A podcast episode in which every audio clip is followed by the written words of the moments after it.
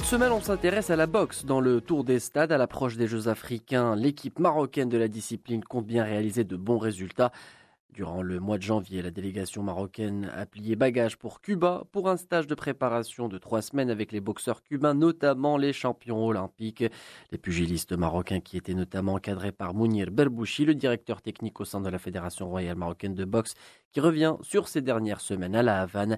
Il est notre invité de ce tour des stades. J'ai pris pour habitude depuis mon arrivée en 2013 d'organiser des stages en commun avec euh, l'équipe cubaine, qui est la meilleure et une des meilleures équipes du monde. Hein. On peut dire que les Cubains, les Ouzbeks et les Russes se tiennent dans un mouchoir de poche au niveau de la boxe amateur et qu'aller s'entraîner chez eux, c'est toujours très très riche d'enseignement et c'était très important pour nos boxeurs pour déjà euh, voir leur niveau, nous ça nous permet de voir leur niveau et deuxièmement bah, pour leur montrer ce qu'il leur reste la marche qu'ils ont encore à, gravir pour pouvoir euh, atteindre des podiums dans les grandes compétitions. Donc c'est vrai qu'en début de saison, que ce soit au mois de juin, que ce soit l'été, que ce soit au mois de novembre ou là au mois de janvier, j'ai pris pour habitude d'aller à Cuba avec mes boxeurs et voir comment ils se comportent. Alors, euh, durant euh, ces trois semaines de stage, la délégation marocaine était composée du staff technique ainsi que des joueurs. Plusieurs boxeurs étaient présents. Notamment euh, des boxeurs qui étaient présents lors des derniers euh, Jeux olympiques. Euh, une idée générale, un bilan concernant ce stage Est-ce que vous êtes ressorti avec des points positifs de ce stage? Alors bien sûr, on vous parlait des anciens qui ont fait la préparation de Rio 2016, on peut parler de Mohamed Hamoud, bien sûr. Il y a des jeunes qui poussent, je pense notamment en 49 kilos Saïd Mourkaji, je pense à Bindada en 52 kilos, il y a aussi en 64 kilos euh, Abdelhak Nadir de fait. Donc ça, c'est des gens qu'on avait. Abdelhak Nadir, c'est quelqu'un qu'on a détecté en senior. Mais tous les autres, comme euh, aussi avec Amrouk en 69 kilos, c'est des jeunes qui sont issus du projet, du dispositif école marocaine de boxe.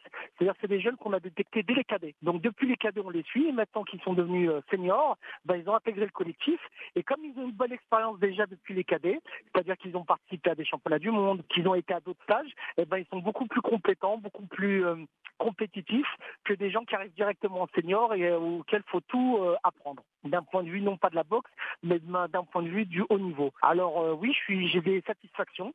la plus grande, c'est de découvrir que le Maroc de 49 kilos à 64, même à 69, on a des très bons boxeurs parce que même les Cubains ont eu du mal à gérer des boxeurs comme euh, Ben ou comme Hamout. Euh, Hamout a mis euh, trois fois les gants avec le double champion du monde et double médaille olympique cubain. Et ça a été des, vraiment, ça a été des matchs très très impressionnants de haut niveau. Et donc ça augure de bonnes choses pour l'avenir, à condition, à condition qu'on ait l'état d'esprit la volonté et les conditions matérielles pour performer euh, lors des prochaines échéances. Et ça, c'est le sujet de discussion actuel, parce que euh, maintenant, on est en entrée de préparation olympique et il nous faut non pas les moyens, parce que grâce à la Fédération royale marocaine de boxe et Abdeljawad Belhaj, son président, on a les moyens pour pouvoir voyager, pour pouvoir, mais on a un peu plus de difficultés concernant les conditions d'entraînement dans les centres. Voilà, donc euh, comme vous l'avez dit, des stages à Cuba, l'une des meilleures écoles, si ce n'est la meilleure école de boxe au monde. Ça permet aux boxeurs marocains d'avoir une expérience de choix qui leur permettra euh, de mieux se préparer. On pense notamment aux objectifs euh, à moyen terme, à l'image euh, des Jeux africains qui auront lieu au Maroc en été entre le mois d'août et le mois de septembre. Là, ici, est-ce que les objectifs ont été plus ou moins tracés pour les boxeurs marocains? Oui, bah bien sûr. Hein, alors bon, c'est pas étrange un petit peu parce que c'est les Jeux africains. Et je pense que ça fait très longtemps que le Maroc n'a pas participé aux Jeux africains. Donc en plus, c'est une fierté parce que ça va être sur le territoire national.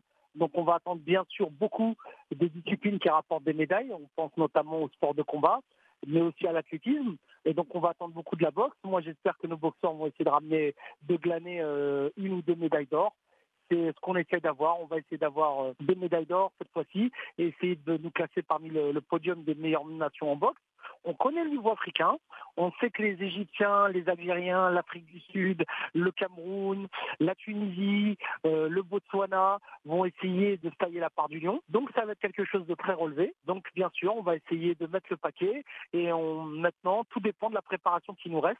La semaine dernière, il y a eu la commission d'organisation des Jeux africains qui sont réunis à Rabat. Ce mercredi, il y a aussi euh, une réunion avec la commission du haut niveau. Donc euh, ça va, ça sonne un petit peu le, démarrage de cette préparation. Donc maintenant, il faudra tout mettre carte sur et voir comment on va faire pour euh, emmener nos boxeurs à leur meilleur niveau, à leur meilleur potentiel. des entraînements intensifs et des combats tests face à la meilleure école de boxe au monde, les pugilistes marocains ont vécu une expérience de choix qui leur permettra de mieux se préparer pour les Jeux africains qui se dérouleront entre le mois d'août et de septembre au Maroc.